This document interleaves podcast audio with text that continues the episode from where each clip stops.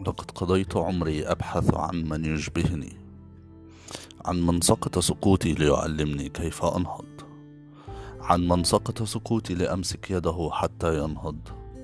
ولكن كلما بحثت تعثرت أكثر وسقطت في هاويات أعمق. لذا كفى بحثا فليبحث أحدا عني ولو مرة. فلم يعد بي سيقان للسير أو حتى الزحف.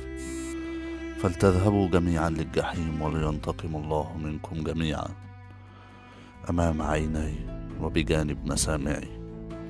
فلن أسامح منكم أحد. كما جعلتموني أنكسر وأسقط وأبكي دما يوميا. فلتذهبوا للجحيم جميعا قطعا مسواه بقلم باسل المتباين.